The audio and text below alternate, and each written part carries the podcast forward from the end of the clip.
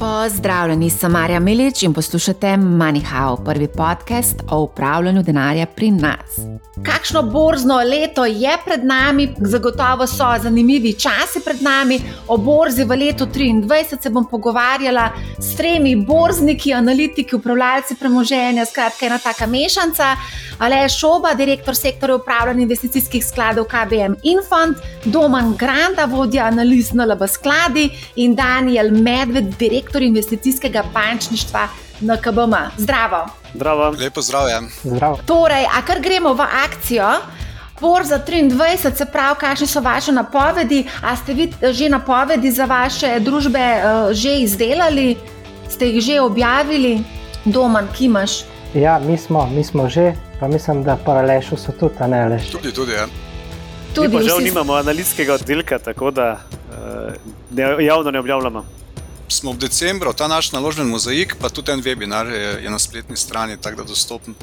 Če želi kdo se malo bolj poglobiti, pa preveriti naše napovedi. Jaz upam, da imate različne napovedi, da, v, da ne gledate vsi v isto smer, oziroma vsi v isto smer, ampak mogoče z malce drugačnimi, drugačnimi, drugačnimi učmi. No. A gremo kar direktno pogledati, kaj se dogaja, oziroma kako vidite dogajanje v letu 2023 na splošno na borzi. Ste bikovsko razpoloženi, ponovadi upravljalci so kar precej bikovsko razpoloženi, je tokrat mogoče kaj drugače.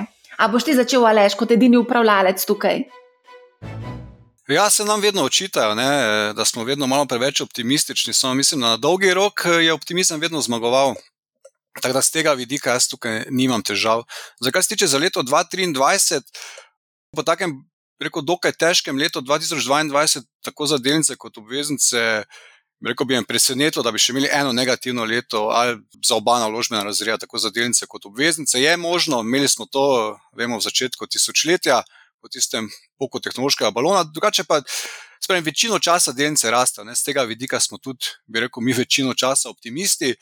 E, Brego, kaj je pomembno, mislim, kaj je po mojem glavno sporočilo za 2023, je, da so sirno izhodišča dosti bolj privlačna, e, ne samo za delnice, tudi za obveznice moramo vedeti, obveznice mi v zadnjih letih, eh, pa verjetno tudi ostali kolegi, nismo mogli priporočati vlagateljem, vemo, negativni.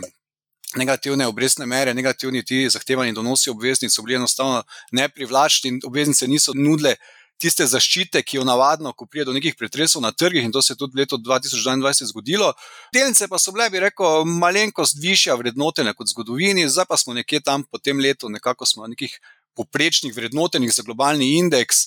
Torej, bi rekel, vlagatelji bodo dobili, rekel na dolgi rok tisti nek donos, ki so ga v preteklosti tam nekje 6 odstotkov realno. Tako da mi smo z tega vidika dokaj optimistični, je pa res kratkoročno, bo pa nek boj, bi rekel, med eh, upadom inflacije in bi rekel tem strahom eh, pred recesijo. Zdaj, prva dva tedna v leto sta enostavno gre, gre, gre ta v korist bistvu temu, da bo inflacija dokaj hitro upadla, pa tudi bi rekel, recesija če se bo sploh zgodila, bo dokaj blaga. Ne? Vidimo, cene energentov v Evropi so kar strmo upadle v zadnjem mesecu, dveh, tudi kitajsko gospodarstvo so v zadnjem mesecu, bi rekli, naredili popoln preobrat pri tej nični toleranci do COVID-a. Tako da v bistvu so v zadnjih tednih informacije dokaj pozitivne in zaenkrat ta scenarij zmaguje, da mogoče ne bo tako hudo, kot so mogoče še še dva, tri mesece nazaj, nekako tudi vsi analitiki pričakovali. Tako da nek, nek zmerni optimizem za to leto, bi rekel, za dolgi rok, pa bi rekel, dokaj dobra izhodišča uh, za oba naložbena razreda, praktično. Doman. Ja, tle mislim, da je res zelo lepo povedal. Se pravi, že, če čisto statistično gledamo, je verjetnost, da bo letos pozitivno leto večja od tiste, da, da bo negativno leto. Je pa tako, ne lahko vedno razmišljamo o nekih negativnih scenarijih, ampak pa na koncu ne bomo nikoli investirani. Ne. Vse nas letos predvsem skrbi, če, če bi začele neke domine padati, bi imeli neko hujšo recesijo ali pa druga možnost. Ne. Ob tem odpiranju Kitajske, a bomo zdaj videli, ne vem, zaradi COVID-a, COVID situacije tam prnih, vsi bolni, da bo neke težave v dobavnih verigah, pol da se nadaljuje neko res divje okrevanje in nek pritisk na inflacijo, se pravi, da se lahko obrestne mere z trenutnih nivojev še povečajo, ne, to bi lahko bilo izrazito negativno. Ampak to so vedno neka tveganja, ki jih vidimo, tudi verjetno nek, obstajajo neki dogodki, ki se lahko zgodijo, negativno vplivajo. Ampak zdaj, če gledamo res na nek srednji rok, uh, je tako, ne zdaj se sprašvati, kakšen točen bo ta let. je, je tisto, kar je pač težko napovedati, ampak če gledamo naprej, je pa, je pa važno, tako kot je rekel Aleš, se pravi, izhodišča danes imamo nižja, na obvezniških trgih končno neka donosnost. Tako da, ja, sigurno okolje za investiranje je tudi po našem mnenju boljše kot v preteklem letu. Daniel, verjetno podobno. Podobnega mnenja, naj mogoče, mogoče še bi edino dodal k, k izhodiščem, ki ste jih podala Domen Pališ. Dejansko vemo, da so povezane z kapitalskimi trgi tudi vedno centralne banke, vemo, da se še dvigi obrestnih mer pričakujejo. Prvi dobri znaki in pozitivni so bili, ne, da se dejansko inflacija umirja. Seveda, eh, na drugi strani, če gledamo čisto enostavno FED, daje podarek temu, kar se bo tudi dogajalo na trgu delovne sile. Zaenkrat so podatki spodbudni, ampak vse skupaj nakazuje na to, da ja, priča še bomo lahko dvigali obrestne mere, ampak nekako retorika gre v tej smeri, da z manjšimi koraki kot do sedaj, ne, kar pomeni, da bo nekako malo bolj predvidljivo okolje tudi, eh, tudi z vidika obrestnih mer. Ne, in dejansko nekako z tega vidika se centralne banke uh, malo bojijo prehitrih dvigov obrestnih mer, da vseeno ne bi preveč zadošile gospodarstvo in na koncu bi se lahko zgodila recesija. Ampak trenutno vse pozitivno, tako da če se bo res umirilo dvigovanje obrestnih mer. Uh, Bo tudi to pozitivno za delniške trge in naložbe. Seveda, za obrestne mere pa smo že tako ali tako v pozitivnem uh, uh, okolju, glede na zadnje dvige. Ja, zelo ste uh, pozitivno naravnani, bikovsko, tako kot v bistvu upravljalci in analitiki, morate biti v tej panogi.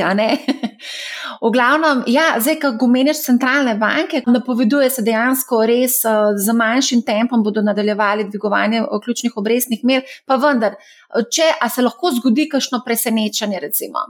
Jaz mislim, da glede na makroekonomske podatke, s katerimi smo seznanjeni in trenutno so, so bom rekel, so v redu, ne, ne, ne pričakujemo nekih presenečenj po ekstremnem dvigu. Jaz mislim, da je predvsem pomembna retorika, ki bojo zavzeli in seveda tega bo odvisni nadaljni koraki, ampak vse trenutno nakazuje na to, da bi lahko šli z počasnejšim tempom naprej kot do sedaj.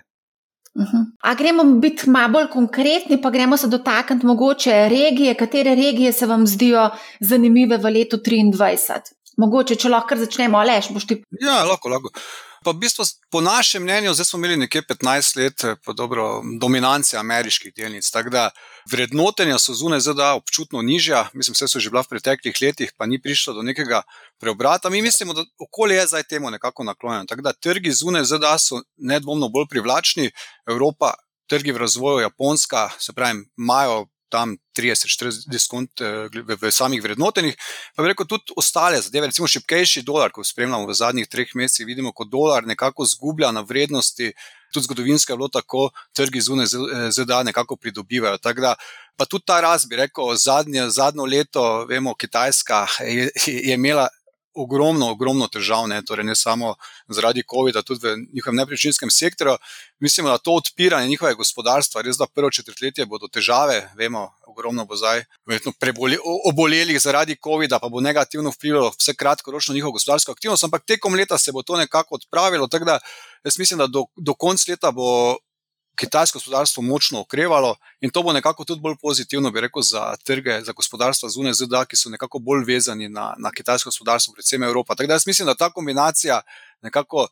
Više rasti zunaj ZDA, bi rekel, nižjih vrednoten, eh, šipkejšega dolarja, nekako govori, da bi bili vsaj regije zunaj ZDA bolj, bi rekel, tudi to se dogaja zadnje tri, tri mesece, nekako bolj donosne kot pa, kot pa ameriške delnice, ki se pravi, imele so res 15 let eh, popolne dominance, pa mislim, da je tudi čas za neki daljši, daljši preobrat.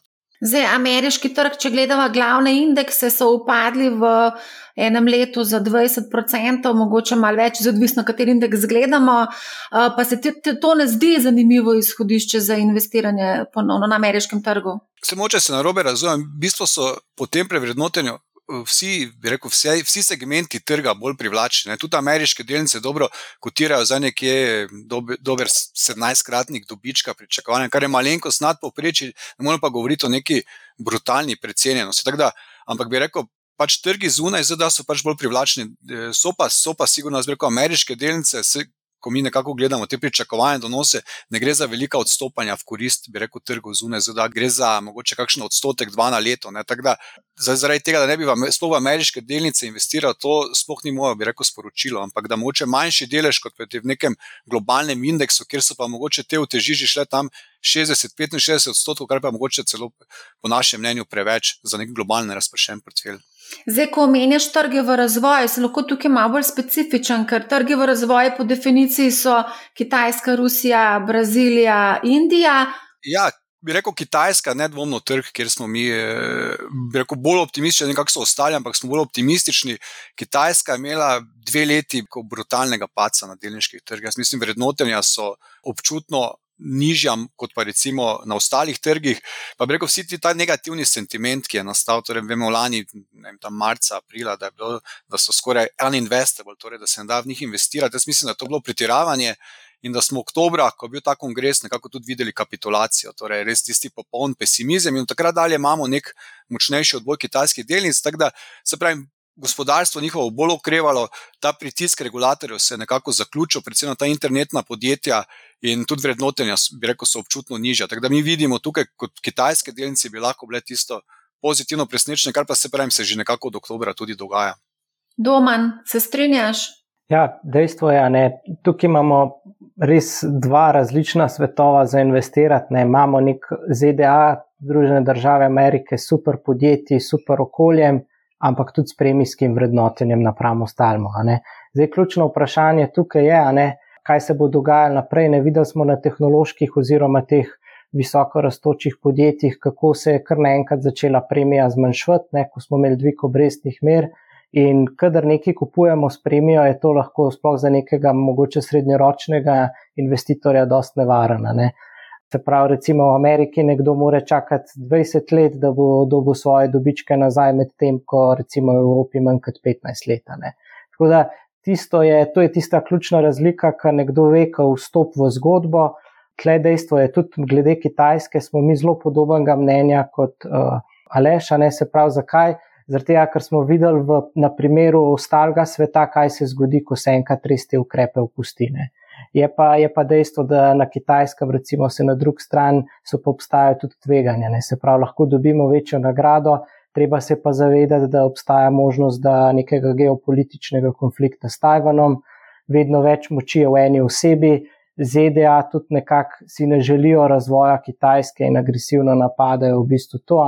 Tako da to so vse neke, neke, neke stvari, ki so tveganja, ampak ja, za, za tiste pogumne je treba se zavedati, da govorimo o nekih kitajskih tehnoloških podjetjih, ki so zelo zanimive, dosegajo tudi srednji kitajski sloj, kar, kar predstavlja lepo priložnost in mislim, da za nek uh, srednjeročen, dolgoročen portfelj uh, sem jaz tudi mnenja, da, da neko nadpoprečno izpostavljenost je lahko zelo zanimiva za neke nadpoprečne donose. A si lahko konkreten, ko govoriš o tehnoloških kitajskih podjetjih, kateri, o katerih govoriš? Predvsem tle je ključno, da so te najve, največje. Ne? Zdaj, uh, ti Marja, veš, ne, da pa nas sem jaz kot vodja analiz in, in konkretno lih podjetij, nažalost, ne smemo komentirati, ker moramo dati. Prioriteto, predvsem uh, našim vrčevalcem v skladih. Ne. Tako da, nažalost, le konkretnih podjetij, jaz kot kot vodja analiz v družbi za upravljanje ne morem komentirati. No, jih pa mogoče lahko Daniel komentira, se se kecam. Ne, mogoče se bi ne, ne, malo vrnil nazaj, ali še podobno glede številk. Recimo, če pogledamo čisto z drugega vidika razmerje med ceno in dobičkom. Ne, recimo na SP je razmerje med ceno in dobičkom okrog 19. Če pogledamo potem recimo DAX kot en izmed vodilnih evropskih indeksov, je to uh, razmerje 14. Ne ko sta pomenjala Domen in Aleš eh, dejansko kitajske delnice. Če pa pogledamo ta številko pri Hang Sengu, pa vidimo trenutno dejansko 7,8 ali pa bomo rekli okrog 8. Ne? In to potrjuje to dejstvo, da so. Te delnice, bom rekel, bom rekel predvsem v, v azijskem delu, cenejše, ne, tako kot je Domen tudi omenil, z razlogom, ne, ker obstajajo ta geopolitična tveganja. Vemo, da se je zgodila ukrajinska kriza, pa vemo, se, kaj se dogaja tam. Ne. In če se kaj podobnega zgodi, uh, bom rekel, ta trenja med Tajvanom in Kitajsko, uh, pa dejansko namere, ki jih je gospod Ši napovedal v, ob sprejetju mandata, ne, da pač se lahko Tajvan pridruži Kitajski. Če se bo te tenzije povečevali, je potem to vrednotenje temu primerno in se zelo še lahko zniža. Ne. Na drugi strani pa mogoče bi dodal še k temu dividendne donosnosti. Ne. Recimo dividendna donosnost na SP je v tem trenutku 1,7 odstotka. Recimo na DAX imamo dividendno donosnost okrog 3,4%, na dejansko na Hang Sengu pa je ta dividendna donosnost okrog 3%. Ne.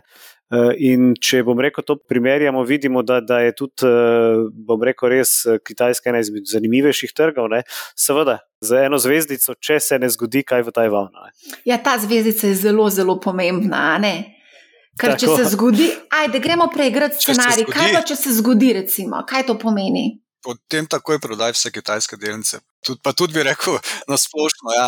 Ne, to bi bil pa, mislim, če je Rusija bila nek šok, pa bi to bilo eh, nekajkrat večje. Ne. Tako da v, v takem primeru, da, da prije do tega, mislim, že tudi samo neke blokade tam, eh, bi rekel, pomorske, Tajvana, bi bilo zelo negativen šok. Jaz mislim, da bi sentiment bil tak negativen, da bi lahko paci bili kar občutni, ne, 20, 30, 40, jaz mislim, da bi na kitajske delnice videli. Da, če pride od tega dogodka, pa se to pa tveganje, ki ga tudi domen omenja, ne, zato pa je tudi premija za tveganje višja v teh delnicah.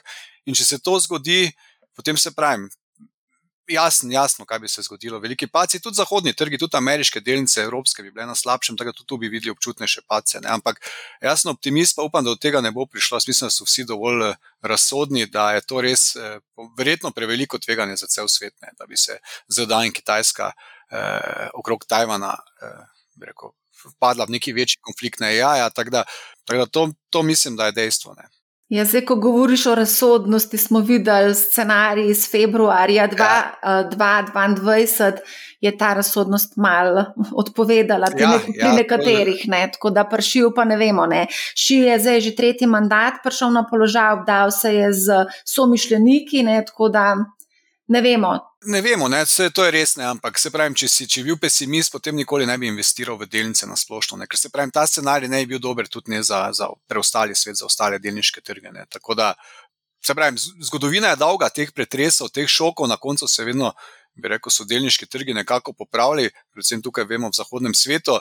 Se tudi zadnjih sto let smo imeli ogromno šokov, se tako je prej tudi domen razlagal. Če bi, če bi vsako tveganje potencialno nekako upoštevali, potem nikoli ne bi vlagal v delnice. Tako da tudi zadnjih 20 let smo imeli ogromno teh od finančne krize, evropske dužniške krize, eh, potem tudi pandemija, mislim, ki je nismo videli sto let na koncu. Pa, če si pogledal, pa si delniške trge, pa si občutno više. Se pravi, pač je to del te igre, ne, ki jo pač sprejmeš, ko investiraš na delniške trge. Se strinjam. A gremo mogoče se dotakniti panog?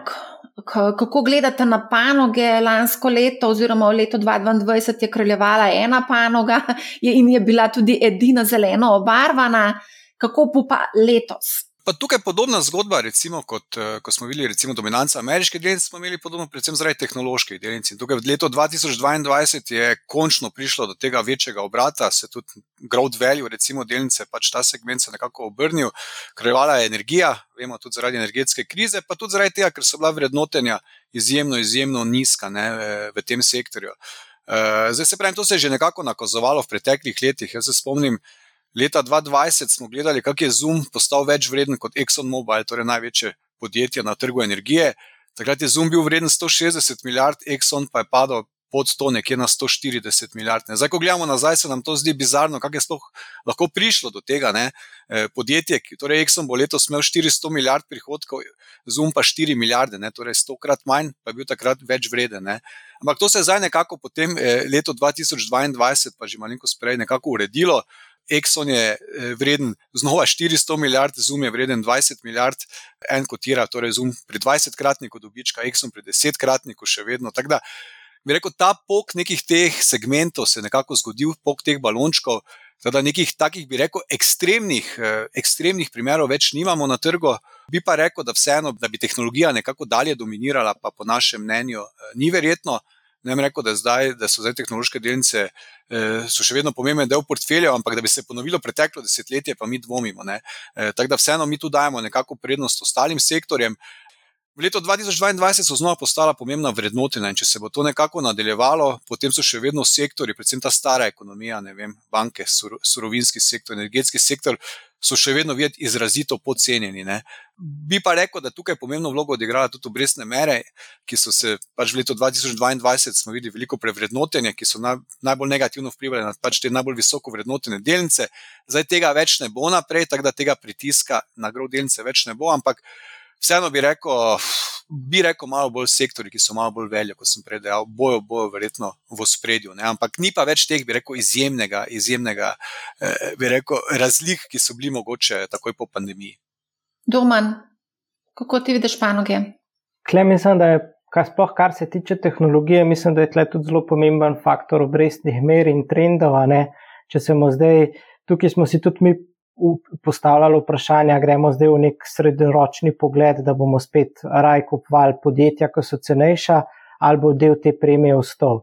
Mislim, da, da zraven mi malo drugače razmišljamo, ker mislimo, da del teh premijskih vrednoten, ki je nastal, pa se je zdaj znižal, ne, uh, bo obstal. Zakaj? Ker, ker se je ugotovil, da, da kadar gledamo ta veljo, moramo tudi ovrednotiti bodočo rast podjetja. Ne. Tako da, in kar mi danes gledamo, tudi mi smo malo bolj izpostavljeni, oziroma nam je tehnologija kot sektor zdaj bolj všeč kot, kot prej.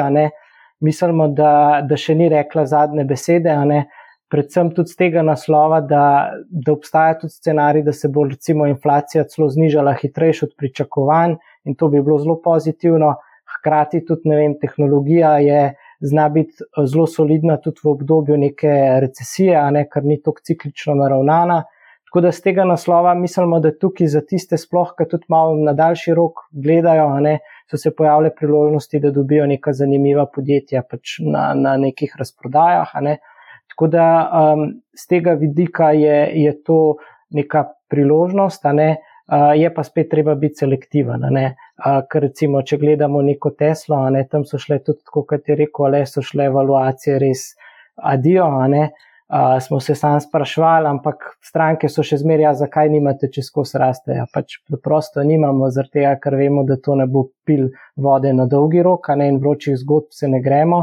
In uh, tudi danes, ko še gledamo, še zmeraj se sprašujemo, ali bo to zdaj neko tehnološko podjetje, pa bo v bistvu ta valuacija mogoče lahko ostala, ali gre samo za proizvajalca vozila. Ne. Tako da tudi če pol, pol vsem tem pacu, ne. tako da klej treba biti kar malo tudi selektiven. Uh, tako da, ja, drugače pa, kar se tiče teh surovin, je pa seveda še zmeraj so zanimive, zanimiva zaščita pred morebitno inflacijo. Tudi uh, jaz se bojim, da, da mogoče nas čaka preostanek zime malo bolj hladen, tako da, da še energetska kriza ni rekla zadnje besede. Ne. Še zmeraj gre Nemčija iz 40% odvisnosti od ruskega plina na nič procentov, ne bo to treba nadoknaditi, zraven pa Kitajska ukreva oziroma bo ukrevala, bo več poprašvala. Tako da, ja, tukaj bomo pa videli, se bo mogoče vzpostavil nek surovinski supercikl oziroma se bo ta rast uh, nadaljevala. Ampak ja, valuacije kljub, kljub trenutnim rastem ostajajo zanimive tudi uh, v tem sektorju. Ja, um, Goldman Sachs se mi zdi, da je glih par pred parimi, naslednji, prejšnji teden se mi zdi, da je celo napovedal, da je pred nami super surovinski cikl. Daniel, kaj ti misliš? V bistvu, v bistvu zgodba je ta, ne? mislim, že prej smo izpostavili tveganja, ki obstajajo. Ne? In dejansko, če bomo se izvili iz uh, možnosti recesije, da bo res ta zelo blaga, oziroma se bomo le dotaknili, je seveda to mogoče. Smo, rekel, če pogledamo trenutno obdobje, Na, na eni strani eh, proizvodnja je bila na, viso, na visokih nivojih, zaposlenost je bila polna, bom rekel, v bistvu pomanjkanje delovne sile in to dejansko vrti cel krok eh, povpraševanja po, po surovinah, ne? tako v industriji, gradbeništvu in eh, v ostalih panogah. Mogoče pa še bi k vsem tem uh, dejansko panogam do, dodal zdravstvo. Ne? Zdravstvo dejansko je zdravstvo, farmacija, je, bom rekel, z vidika staranja prebivalstva, z mojega vidika, vedno aktualna tema, ne? kar se je tudi izkazalo v, v zadnjih obdobjih. Res da. V času rasti ne dosega ekstremnih rasti, razen v času COVID-a, z nekaj izjemami, nekaj podjetij, ki so bile v to, v to vključene, ampak kakorkoli zadevo obrnemo, vsi se staramo, star, prebivalstvo se svetovno stara in temu se bo popraševanje tudi na tem področju povečalo, tako da zdravstvo je vedno ena bom rekel, zanimiva panoga, ki jo je potrebno dodati v portfelj. Zdaj ste že parkrat omenili uh, pomankanje delovne sile. To je izredno velik problem uh, v marsikateri panogi. Ali to lahko odigra pomembno vlogo v prihodnosti? Recimo imamo problem, problem z demografijo, prebivalstvo se stara, imamo uh, premalo delovne sile. In če gremo potem še en korak naprej, ni čudnega, da se iščejo razne rešitve v umetni inteligenci. To nas ne bo več. Ja, jaz mislim, da če bom jaz te kar začel. Uh, ja, demografska slika, pa v bistvu to pomanjkanje, uh, bi rekel, delovno aktivnega prebivalstva, to, to je po mojem mnenju, pa po našem mnenju, nekako verjetno največja strukturna težava, eh, rekel sploh globalnega gospodarstva. Tako da ni to samo problem v zahodnem svetu, je tudi problem na kitajskem. Ne? Torej, projekcija že. Ko sem gledal projekcije kitajskega, te delovne aktivnega prebivalstva, kako naj bi se gibalo, mislim, da bi naj upadlo iz milijarde na 600 milijonov do konca tega stoletja. Ne. Tako da to gre za kar, rekel, kar velik eh, primankljaj, rekel, potencijalnih zaposlenih. Vse Slovenija isto doživlja. Mislim, da smo že pred leti govorili, da se, da se letno omakne 10 tisoč eh, delovno aktivnih, se zmanjša. Da, in to zdaj vsi opažamo. Ne? Nekako gremo po sledeh Japonske, ki, ki vemo, število prebivalstva se zmanjšuje, ampak brezposobnost je skozi, je skozi nizka. Tako da ni več tistih kriz, ko bi, ko prije recesija, da bi nekako. Eh, stopnja brezposobnosti je fulno narasla, spone naraste. Tako da, po, po mojem, podobno na zahodnem svetu, pa tudi te kitajske, pa teh ne, nekako prihodne težave, torej ko bo recesija prišla, jaz pa ne vidim, da bi nekako močno narasla stopnja brezposobnosti. Bo to neki kronični problem ne? in to sigurno zmanjšuje potencijalno gospodarsko rast. Ne? To, je, to je nedvomno, pa tudi je verjetno inflacijsko. Jaz, mislim, po mojem mnenju inflacijsko, ne? ker tu so vedno bile debate, kaj pomeni to starajoče prebivalstvo. Jaz sem bil vedno bolj v taboru, da pomanjkanje kadra, pa boj za njih bo, bo pomenil više plače, pa, pa bo deloval inflacijsko. Ne? In če vemo, da imajo podjetja trenutno še vedno rekordne profitne marže, jaz mislim, da bo večji del moral iti zaposlenim ne, in, da bo, in da bo to pomenilo tudi pritisk na marže. Tako da je tu, mislim, več dejavnikov, kako bo ta demografija vplivala. Ne. Je pa to sigurno največji nek strukturni problem, ki ga, ki ga vidim. Zdaj, če to deluje inflacijsko. To že vidimo, da dejansko tudi deluje inflacijsko, smo trenutno v okolju povišene inflacije, ali dejansko obstaja scenarij, da se približamo tej ciljni inflaciji, kateri ciljajo centralne banke 2% v nekem doglednem času. A je to sploh zdaj na mizi v recimo roku nekaj let? Pa mislim, vse je, vse je možno. So, mislim, tudi centralne banke, se to je bilo vedno govora, ali, ali je ta stopnja 2 odstotka, moče celo prenisko nastavljena. Govori se dosti, da bi, da bi tudi nekako centralne banke, seveda zdaj ne morejo v tem okolju tega povedati, ampak nekako zadovoljile tudi tam s 3 do 4 odstotno inflacijo, ki je bila po določenih študijah še vedno inflacija, ki ni previsoka, da bi nekako vplivala na odločitve tako podjetij, kot, kot tudi, bi rekel, potrošnikov. Da, jaz mislim, glede na strukturne težave, ki jih ima. Poleg demografije imamo še tudi deglobalizacijo, pa tudi zeleno transformacijo, da se bodo centralne banke nekako zadovoljile tudi z inflacijo, ki bo više od dveh odstotkov. Ampak mislim, da v tem okolju, ko se bojujejo z inflacijo, ki je zdaj rešila predaleč v lanskem letu, ne, ne bodo rekel, teh nekih ciljev spreminjale, Ampak se pravi, ni nujno, da prije na zelo 2 odstotka, pa bo centralne banke bojo manj zadovoljne s tem, kar so dosegle.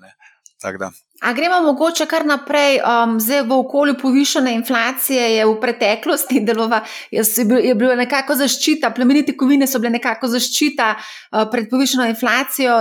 Kaj se dogaja z plemenitimi kovinami, kaj lahko pričakujemo letos, Daniel, bi mogoče ti povedal? Mislim, če gledamo plemenite kovine, so bile vedno varno prebižališče. Ne? S tem, da v Evropi imamo. Še vedno treba vkalkulirati zraven razmerje evro-dolar, in če to razmerje dejansko prištejemo k temu, ugotovimo, da v bistvu plemenite kovine na deset let ni bilo bistvenih premikov. Ne. Jaz vedno pravim tako, ne, da ja, plemenite kovine, ja, kot del portfelja, vendar kot ne, eh, kot začimbo ali pa recimo tam do 5%, zdaj pa da bi pa recimo bila sprememba v portfelju, da se bi nekdo odločil pa 30% v zlato, ker bojo pa plemenite kovine dejansko premagovale delnice oziroma ostale naložbene razrede, pa dejansko z mojega vidika dvomim, da bodo. Je pa vedno to, kot ena začimba, lahko uh, portfelju. Danes zjutraj sem brala en komentar na Bloombergu, bil objavljen, da je zdaj pravi čas za nakup eh, zlata. Domen, kaj si ti misliš o tem?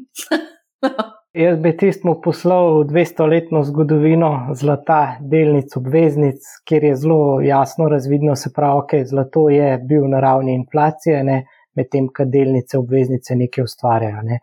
Se pravi, dejstvo je, da ja, delnice, obveznice imajo neka tveganja, ampak na drugi strani, kupaš obveznico, dobiš obresti, kupaš delnico, dobiš dividende, a ne tega pa zlato nimaš, samo neko kovino, na koncu moš pa še strošek sefa plačati.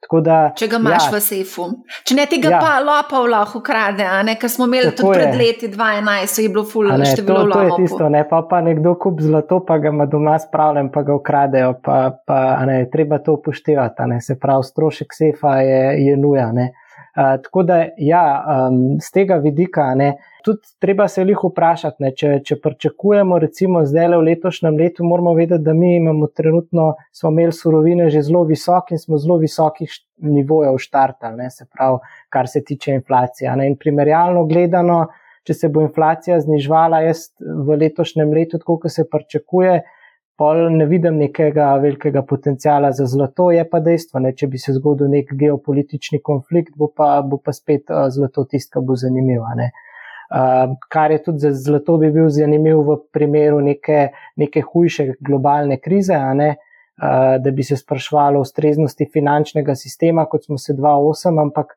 tega mi trenutno ne pričakujemo, tako da z tega vidika, ja, kot, če smo optimistični za delnice, obveznice in če gledamo 200-letno zgodovino za nazaj, kako so se razredi odrezali. Mislim, da, da je, je ok, dopolnitev z vidika razpršitve, a ne nekih tveganj, ampak nasplošno pa, pa so delnice po obveznice tisti naložbeni razred, ki ga bi jaz posamezniku priporočal. No. Um, recesija. Nekaj smo že to recesijo omenjali danes, ali ti si povedal, da je nekako pričakujete, da, ne bo, um, da bo bolj milejša oblika, blaga, ja. blaga oblika recesije. Napovedi v bistvu analitikov na Bloombergu za 12 mesecev so kar precej visoka, v Evropi 80%, tudi mhm. Amerika se mi zdi, da je relativno kar precej visoka. 65, ja, še zmeraj kar precej visok odstotek. Torej, kaj bo, če pride, oziroma rekel si, blaga recesija, ampak vsem ne. Kdaj lahko pričakujemo, kakšna bo ta, kako nas bo kot male vlagatelje recesija prizadela? To je res tako malo, malo je smešno. To je nekako najbolj pričakovana recesija v zgodovini. Torej, vsi Dejansko. pričakujejo, da se bo zgodila. Teda, ne bi bilo čisto neobičajnega, da bi se na koncu izognili. Oziroma, bi bila taka recesija, da je sploh ne bi eh, bistveno občutili. Tak, jaz mislim, ti, ti dogodki, ki grejo zdaj v začetku leta, se tako sem že omenil, nekako pade cen energentov v Evropi, odpiranje kitajskega gospodarstva, upad inflacije, ki bo nekako tudi vplival, da bo centralne banke manj agresivne, kako grejo prid temu, da bo tudi, bi rekel, gospodarska slika se izboljšala. Zdaj, jaz pričakujem nekako dvige teh napovedi, kaj bi rekel, gospodarske rasti v, v, v prihodnih mesecih, tako za Evropo kot za ZDA. E, pravim, če pa tudi pride do recesije, pa, pa vsi imamo v mislih to 2-8, ko smo res imeli finančno krizo, ampak zdaj ni teh nekih, bi rekel. Kot pravijo, neravnovesi. Torej, e, poslovne banke so zdrave, potrošnik ni visoko zadolžen, podjetja tudi mislim, da niso bistveno zadolžena. Uh, tako da ni nekih, se pravi, ni nekih ekstremov, ne, ki bi potem lahko sprožili neko večjo, večjo globjo krizo ne, z tega vidika. Tako da, tudi če pride do, do, do recesije, jaz mislim, da nekih bistvenega šoka, dodatnega za delniške trge, eh, ko smo ga že videli, recimo 2022, ne bi smeli videti. Vemo, od, od vrha do dna so takrat ameriške delnice izgubile 25 odstotkov, nekje tam mislim, da je bilo dno oktobra. Ne, Poprečni recesije, tam, ko pa so recesije, pa poprečno nekje delnice opadajo, okrog 30 odstotkov. Da smo se zelo blizu temu približali, kar se v neki, bi rekel, poprečni recesiji eh, tudi zgodi. Tako da, eh, bi rekel, najslabši scenarij, da je res malo, malo hujša recesija, pa dobički malo bolj bistveno padajo, potem lahko gremo niže, kot smo bili recimo eh, junija, oktober 2022, eh, ampak kakih 10 odstotkov niže od tistih nivojev. Zdaj, to, tako ti praviš, tako ti vidiš situacijo, mm. ampak dejansko se kaže mal drugačna situacija, ker so številna podjetja že začela z masovnim odpuščanjem. Se pravi, se ja, pripravljajo ja, na nek scenarij. Ne? Samodelniški trgi vedno gledajo naprej. Ne? Jaz mislim, da vse, ko pogledamo pretekle recesije, pa to vemo, da delniški trgi dosežejo dno tam 6 do 9 mesecev prej, preden dobički dosežejo dno. Tako da, če se zdaj podjetja pripravljajo, da bo čez 6 do 9 mesecev slabše poslovanje, nekako trgi so, bi naj že to kalkulirali. Vse, če mi smo nekako tudi mozaiko podali primer 70, eh, torej leta 74, ki je pač vsi. vsi primerjave delajo z 70 leti. In vemo, ko je inflacija tam dosegla vrh, ko je sredi, oziroma konec leta 74, tudi Eh, delnice dosegle dno in začele naraščati. Čeprav je bilo v bistvu potem, bi rekel, brezposobnost se še višala, dobički so padali, ampak to ni bilo več pomembno. Ne. Delnice, tam je bilo ključno samo, kaj bo z inflacijo, kaj bo z obrestnimi merami. In ko je inflacija začela se zniževati, ko so pol centralne banke začele zniževati obrestno mero, je to bilo za delnice dovolj in niso se več obremenjevali s tem, da so dobički še dodatno padli, da se brezposobnost povečuje. In se pravi, podobno je zdaj, jaz mislim, da inflacija je res tisto bolj pomembno gonilo v tem ciklu, kot pa mogoče recesija, pa gospodarska rast. Tako da, če bo res tu upad inflacije hitrejši, kar pomeni, da bo tudi centralne banke, se pravi, ne, ne bodo potrebovali biti tako agresivne, potem bo to mogoče bolj pomemben faktor za delniške trge, kot pa recesija, pa paci dobičkov, ki se pravi blagi padec dobička, po mojem, smo že nekako tako ali tako računali. Ne. Mhm. No, sej, ravno zaradi tega to sprašujem, ker odpuščajo namreč investicijske banke, ki ravno gledajo borzo in tudi v bistvu napovedujejo. Ne, Goldman Sachs, Morgan Stanley, Barclays, Bank of America napovedala, da bo upočasnila zaposlovanje. Ne govorimo o IT podjetjih, ki masovno in zaposlujejo in potem tudi odpuščajo. Kako recimo doma ti gledaš na to? Jaz moram reči, da sem mogoče malo bolj zaskrbljen kot Aleša. Lik zaradi tega, ker glavna težava je, ne, da smo šli mi iz, iz nekega okolja izjemno nizkih obrestnih mer v, v zelo hiter skok, v, v više obrestne mere. In mene skrbi, da so se v bistvu in potrošniki in podjetja nekako razvadila, ne, hkrati nam pa nekako trenutno razpoloženje kaže, da ni tistega, tiste pripravljenosti za, za investicije, za zapravljati. December je seveda tak vesel mesec, ampak mislim, da zdaj po novem letu za marsikoga pride, pride do neke streznitve, vstop nazaj v realnost. Tudi če gledamo, imeli smo mini balon na, na nepremičninskih trgih po svetu, sploh v večjih mestih, ne, to, to marsikaj že spušča, ne, sploh s tem skokom obrestnih mer. In, in to, to bo predstavljalo v prihodnje izziv. In tudi je pa, je pa dejstvo, ja, recimo. Verjetno bojo določene domine zaradi tega padle, ampak je tako. Če, če bomo videli neko paniko na trgih, uh, o, kaj če bo ta uh, večja recesija, kot, kot smo predvidevali, ne, mislim, da bo to neka, neka priložnost za vlagatelje, no, da, da v bistvu premislejo strezno glavo in, in v bistvu povečajo izpostavljenost nekim uh, naložbam. Ne. Kar je za me najbolj zaskrbljujoče, je to, danes, ne, da centralne banke tekmujejo, kje bo bolj dvignila obrestno mero na koncu imamo pa šest mesecev zamika, da se to pokaže v gospodarstvu. In, in ta zamik je tist, ki se mi zdi, da bojo centralne banke predolg, tako kot so prej nekako zaspale, prepozno dvignile obrestno mero, me zdaj resno skrbi, da bojo zelo agresivne pri teh obrestnih merah in bojo šele, ko bo res inflacija zelo močno upadla. Prišle do tega ugotoviti, da zdaj pa lahko umilimo svojo retoriko, oziroma gremo v znižanje. Jaz se pa tudi sprašujem, če lahko ponovno pride do dožniške krize.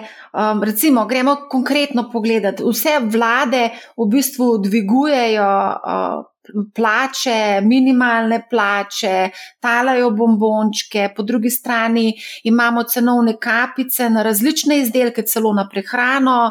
Skratka, tukaj je v bistvu vla, so vlade kar precej posegle v tržno gospodarstvo. In posledice so lahko zelo brutalne, tudi konec koncev, ne ravno zaradi vseh teh posegov. Tudi konec koncev, če pogledamo v Franciji, tam se dogaja cela revolucija vezana ravno na pokojninsko reformo, ker hoče Macron za dve leti po, podaljšati delovno aktivnost oziroma delovno dobo ljudem. Ne. Kako lahko vse to, kar se zdaj dogaja, kako te bombončke, ki jih talajo vlade po eni strani, po drugi strani razne te uh, posege v tržno gospodarstvo, kako lahko vse to vpliva potem konec koncev na poslovanje podjetij vidimo petrol, recimo konkretno v Sloveniji, če smo konkretni, ne, je kar precej velik problem, ne, ravno zaradi tega. Pa tudi druga podjetja imajo zdaj težave, ravno zaradi povišene uh, minimalne plače. Recimo, Daniel, da je povej, kako ti gledaš na trenutno situacijo. Tako ne samo Slovenija, ampak globalno gledano. Glo globalno gledano, v bistvu se strinjam s, s tabo, Marija, ne, države trenutno delijo preveč bombončkov, ne, dvigujejo minimalne plače, kar seveda na koncu, ne, če gledamo iz vidika poslovanja podjetij, to pomeni dodatne stroške delovne sile za podjetja. Kot smo že prej govorili, pomeni dejansko zmanjšanje dobičkov, ne, in iz tega razloga se tudi na drugi strani eh, dogaja eh, odpuščanje zaposlenih. Ne. Zraven tega pa še, ne, če gledamo, da gre to za vidika javnega sektorja, ne, da bom rekel, pravilen pristop je reforma pokojninskega sistema, ne? ampak seveda, ker bom rekel, ljudje nasprotujejo temu, potem države to sofinancirajo, sofinancirajo in na eni strani, in na drugi strani, in potem se s tem tudi zadolženost držav dviguje. Ne. Ampak ne, pa, na, na drugi strani pa imamo seveda uh, druga dva dejstva, ki smo jih tudi prej omenili. Eno je kupičenje denarja uh, pri, pri bankah. Ne. Recimo v Sloveniji je na banka čez 23 milijard uh, denarja, ki je na razpolago. Ne. In z tega vidika jaz mislim, da, da bomo. Na koncu bo iz tega nastala ena srednja pot. Ne. Ljudje imajo den, nekaj denarja, prihrankov, da če bo prišlo do, do, do recesije, odpuščanj, bodo lahko to nekako nadomestili. Na drugi strani bo država pristopila z, z tega vidika in dejansko nekje se vedno najde srednja pot, da gremo naprej. Ne. Tako da iz tega vidika ne pričakujem, da bi zdaj bila zaradi tega pa, pa nekaj e, ekstremna kriza. Je pa res, da, da pa lahko pričakujemo bolj nemirna obdobja, ne. več recimo protestov na ulicah, e, več, e, bom rekel, negodovanja ljudi v, v tej smeri, da je treba delati dalje. Ne. Eh, po drugi strani pa seveda vlade pa bojo mogle dejansko pristopiti k temu in reševati eh, zadevo, ker, ker, ker vemo, žal, kot sem že omenil, ne, eh, prej prebivalstvo se stara in vemo, da dejansko za naše pokojnine na koncu mora nekdo delati. Ne. Mislim, da sem pred kratkim prebrala en komentar ekonomista, ki je dejal, da bo leto 23 leto stavk.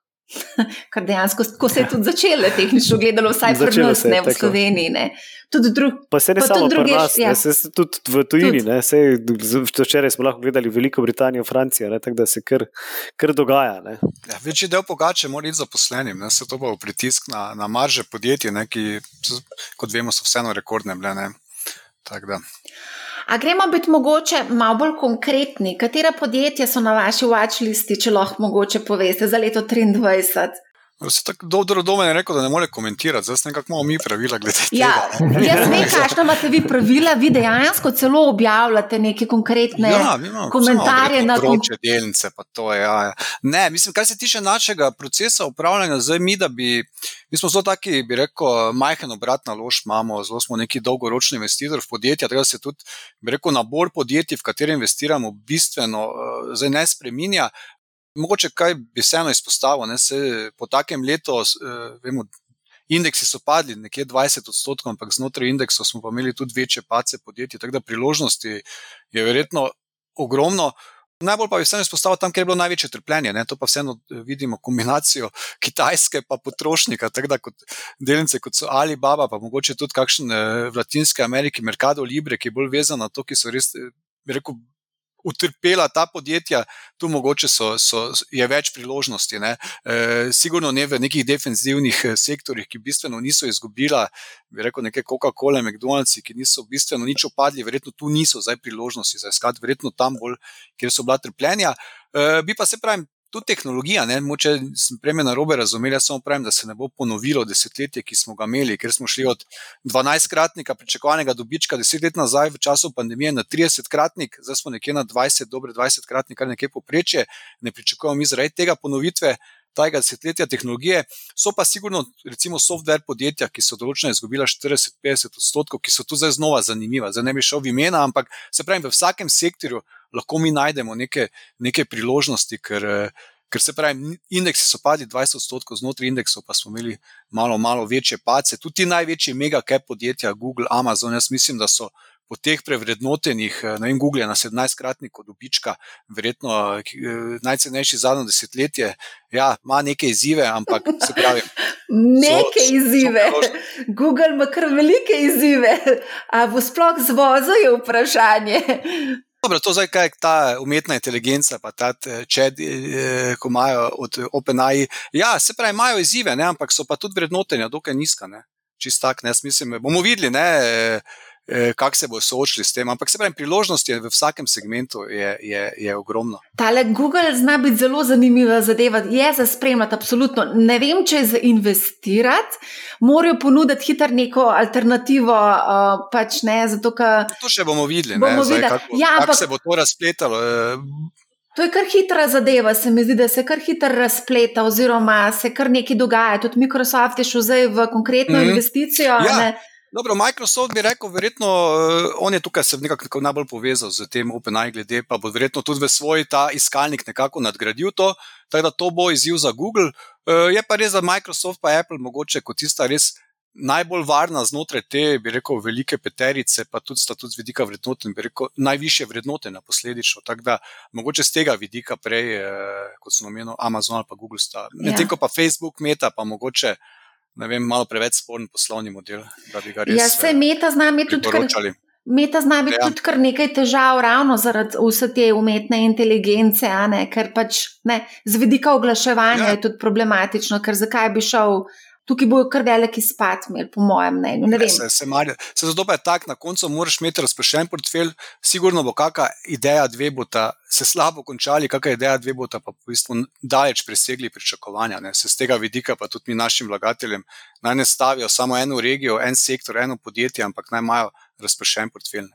Ja, se to smo pa tudi že tle v Sloveniji, kar precej imeli izkušenj. Smo okusili tako eno regijo kot eno delavco, tako da vsi no, no, vse vemo. Posto, ja, ja, se, se, smo imeli lekcije že ne preteklosti. Pa, recimo, tako lekcije iz preteklosti, jaz se spomnim pred leti Apple, ne, kako, kako smo se sprašvali, ojoj, začela jim bo prodaja pač iPhone upadati, kje bo oni zdaj to nadomestili. Pa so uspešno nadomestili, pa smo imeli pravo pravljico na borzi. Isto, tle, tle so te težke vprašanja, k, k, ampak tle je, kot je rekel, le še zelo težko napovedati. Mogoče bomo pa videli, da bo Metaverse full uspeh čez par let, pa da je danes to priložnost. Ampak tež, zelo težko veš, pri teh podjetjih mi si ogromen teh vprašanj postavljamo, ampak ja, to, to še enkrat več pove, zakaj je razpršenost. Uh, ker tudi, ja, mogoče pa na koncu Microsoft, ki bo ta, um, ta OpenAI implementiral, ne bo, ne bo to šlo tako gladko, oziroma ne ima tudi Google svoje orodje, ki je, je zelo uspešen pri tem, že kar se iskanja tiče. Tako da, ja, tle, tle je seveda dilem, vprašanj velikne. Tako da, ja, jaz se zelo strinjam z Alešom in mislim, da tudi Daniel se z nama strinja, ne se pravi, razpršitev je tista ključna. Ker položiti je, ker položiti.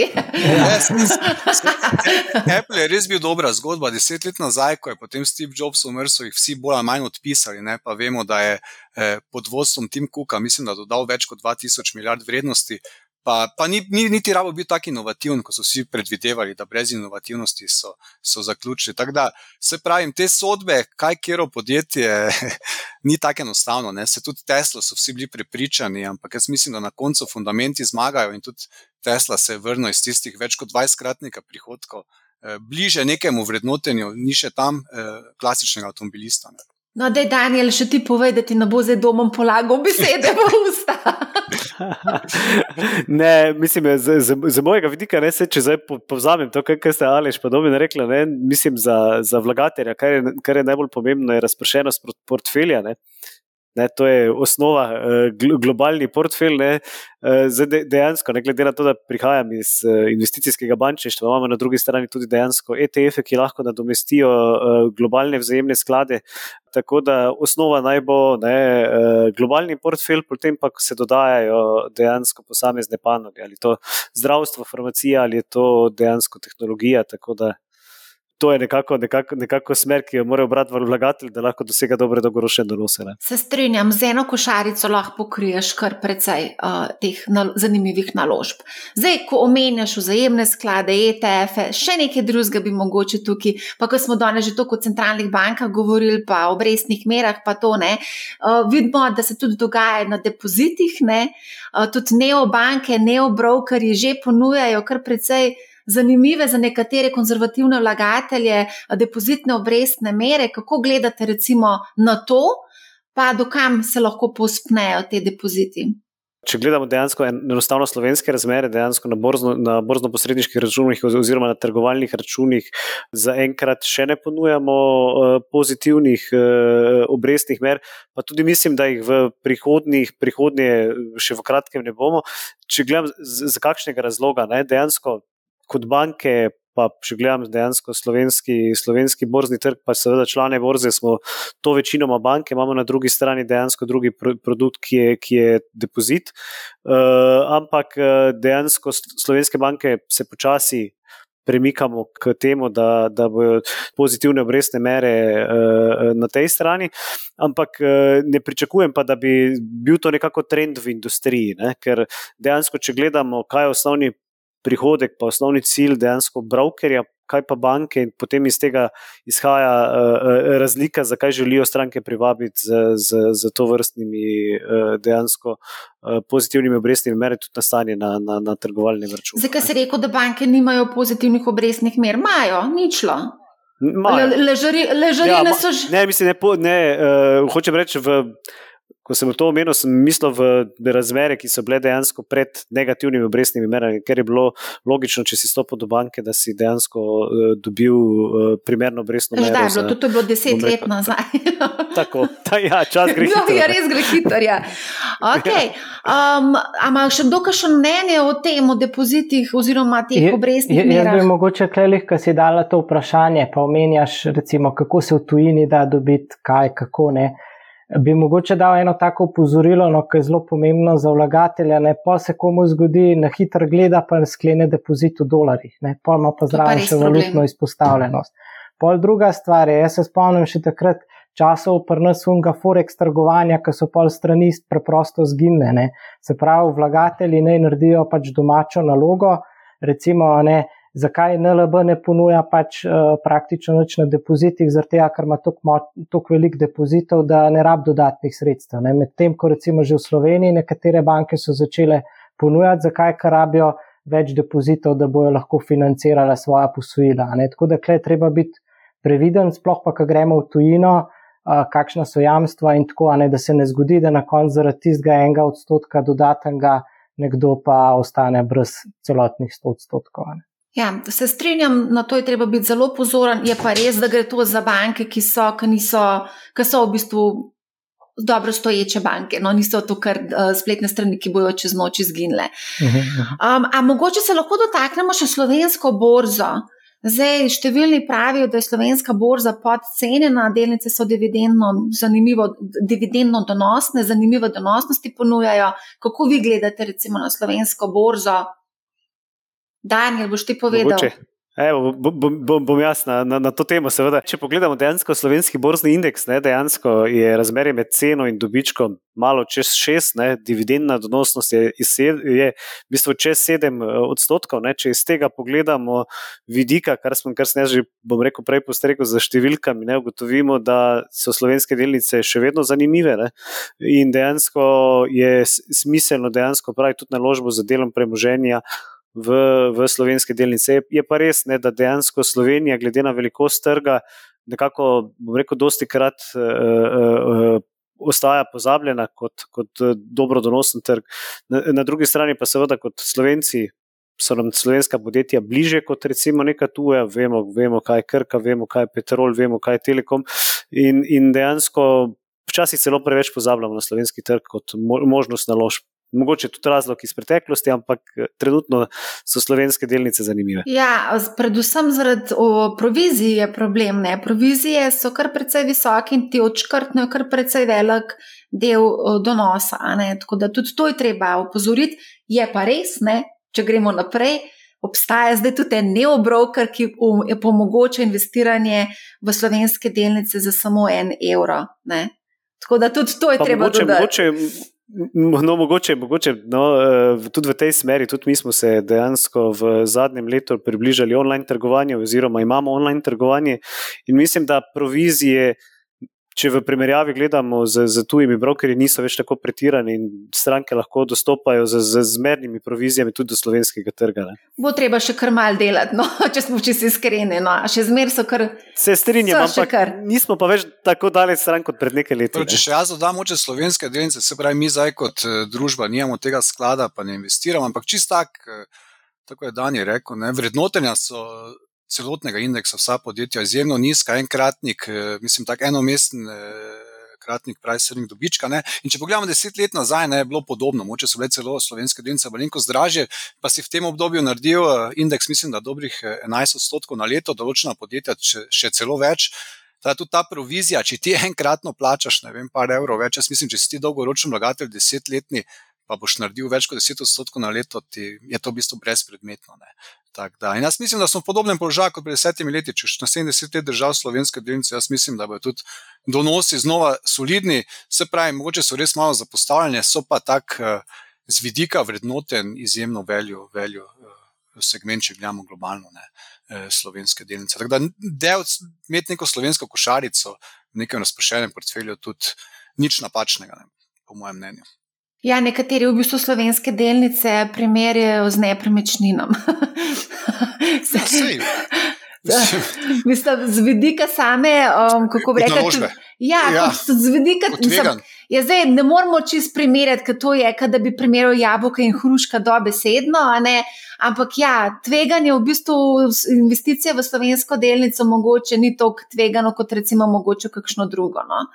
Pozna, kot, kot si začel, si rekel, da poznamo Krko, Daniel, ampak ja, recimo v primeru Petrola se je pa kar mal. Uh, Je pa treba v bistvu kar mal, ne vem, mogoče še en korak nazaj stopiti, pa malo pogledati, kaj se bo dogajalo, ker so zelo odvisni od tega, ali bo država vrnila uh, tist, uh, tisto jim izgubo ali ne. ne.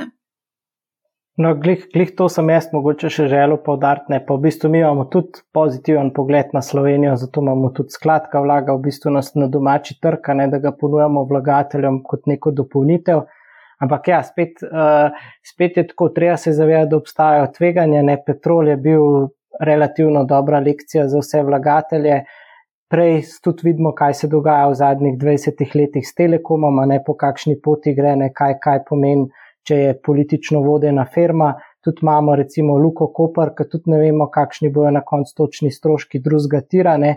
Tako da del tega tudi pol upravičuje ta nižja vrednotenja, ampak dejstvo je, da dividendne donosnosti so zelo dobre, na drugi strani pa vlagatelj nekako lahko dobi to, uh, to likvidnostno premijo. Ne? Se pravi, ta veliki vlagatelji jih nam dejansko ne morejo, ker je premehen trg, premalo se trguje, premalo likvidnosti, premehna podjetja in to je neka prednost za, lahko za domačega vlagatelja, če pripravljen ta tveganja sprejeti. Ok, a gremo še za zaključek, kakšno zaključno misel, pametno misel dati našim poslušalcem? A boš ti začel alež, tako kot sva, ko smo ja, mislim. Mislim, se, če, če bi rekel glavno sporočilo, bi rekel, pravim, da so pač boljša izhodišča, kot so bila v letu 2022, torej v začetku leta 2023. Mislim, da pričakovanja donosi so se izboljšali tako za delnice kot obveznice tudi obveznice po dolgem času so lahko del nekega ravnoteženega portfelja. E, bodo pa, se pravi, bodo pa tako kot vedno recesije, bodo paci na, na delniških trgih, ampak to je del, bi rekel, del te igre, rekel, cena, ki jo plačaš, da pač na koncu dobiš te više donose, ki so pač zgodovinsko jih tudi delniški trgi recimo ponujali. Tako da jaz mislim samo vztrajati, pa ne vem, jaz še vedno mislim mesečno vrčevanje, da se izogneš tistemu lovljenju pravega trenutka, še vedno najboljši pristop za za nekega poprečnega vlagatelja, ki se pač noče pretirano ukvarjati sam z, z eh, rekel, kapitalskimi trgi. Doman. Ja, jaz, bi, jaz bi se kle zelo strinjal, se pravi, neko mesečno vlaganje v globalno razpršen delniški sklad. Ne, tudi s takim vlaganjem, pol tak let, kot je bil 2022, ok, imaš, imaš manj, kot si imel prej, ampak to je samo en izmed, ne vem, pet let, v katere investiraš. Tako da, če smo videli rekordno leto 2021, je nekako 2022 bilo neko streznitev. Zdaj pa mogoče smo se res, kot je rekel Aleš, resetirali, pričakovanje donosnosti so, donosnosti so boljše tako da za naslednjih pet let uh, se pravi, je treba nekako skladno s finančnim profilom, globalno razpršeno in mislim, da je to res recept za, za uspeh. Daniel, še ti? Lahko samo povzamem, ne? razprošenost in dolgoročno nalaganje. To, to, je, to je zgodba za prihodnost. Evo, kratko, drmato, to je to. Evo, najlepša hvala za super debato. Vse se bomo še kaj tekom leta Hvala. slišali, zagotovo. Veliko bo dogajalo na borznem trgu, tako da zagotovo se še slišimo. Tako da iskrena hvala. Hvala za vabilo. Hvala, hvala tebi. Ja. Hvala tudi vsem, ki nas spremljate. Ne pozabite na dogodek Manihau Live, ki bo 20. aprila spisano družščino sogovornikov. Povezavo objavim v opisu epizode. Pa še to, prišla je tudi nova spletna stran mani-how.si. Povezavo tudi objavim v opisu epizode. Poslušajte Manihau, ne bo vam žal in lep pozdrav!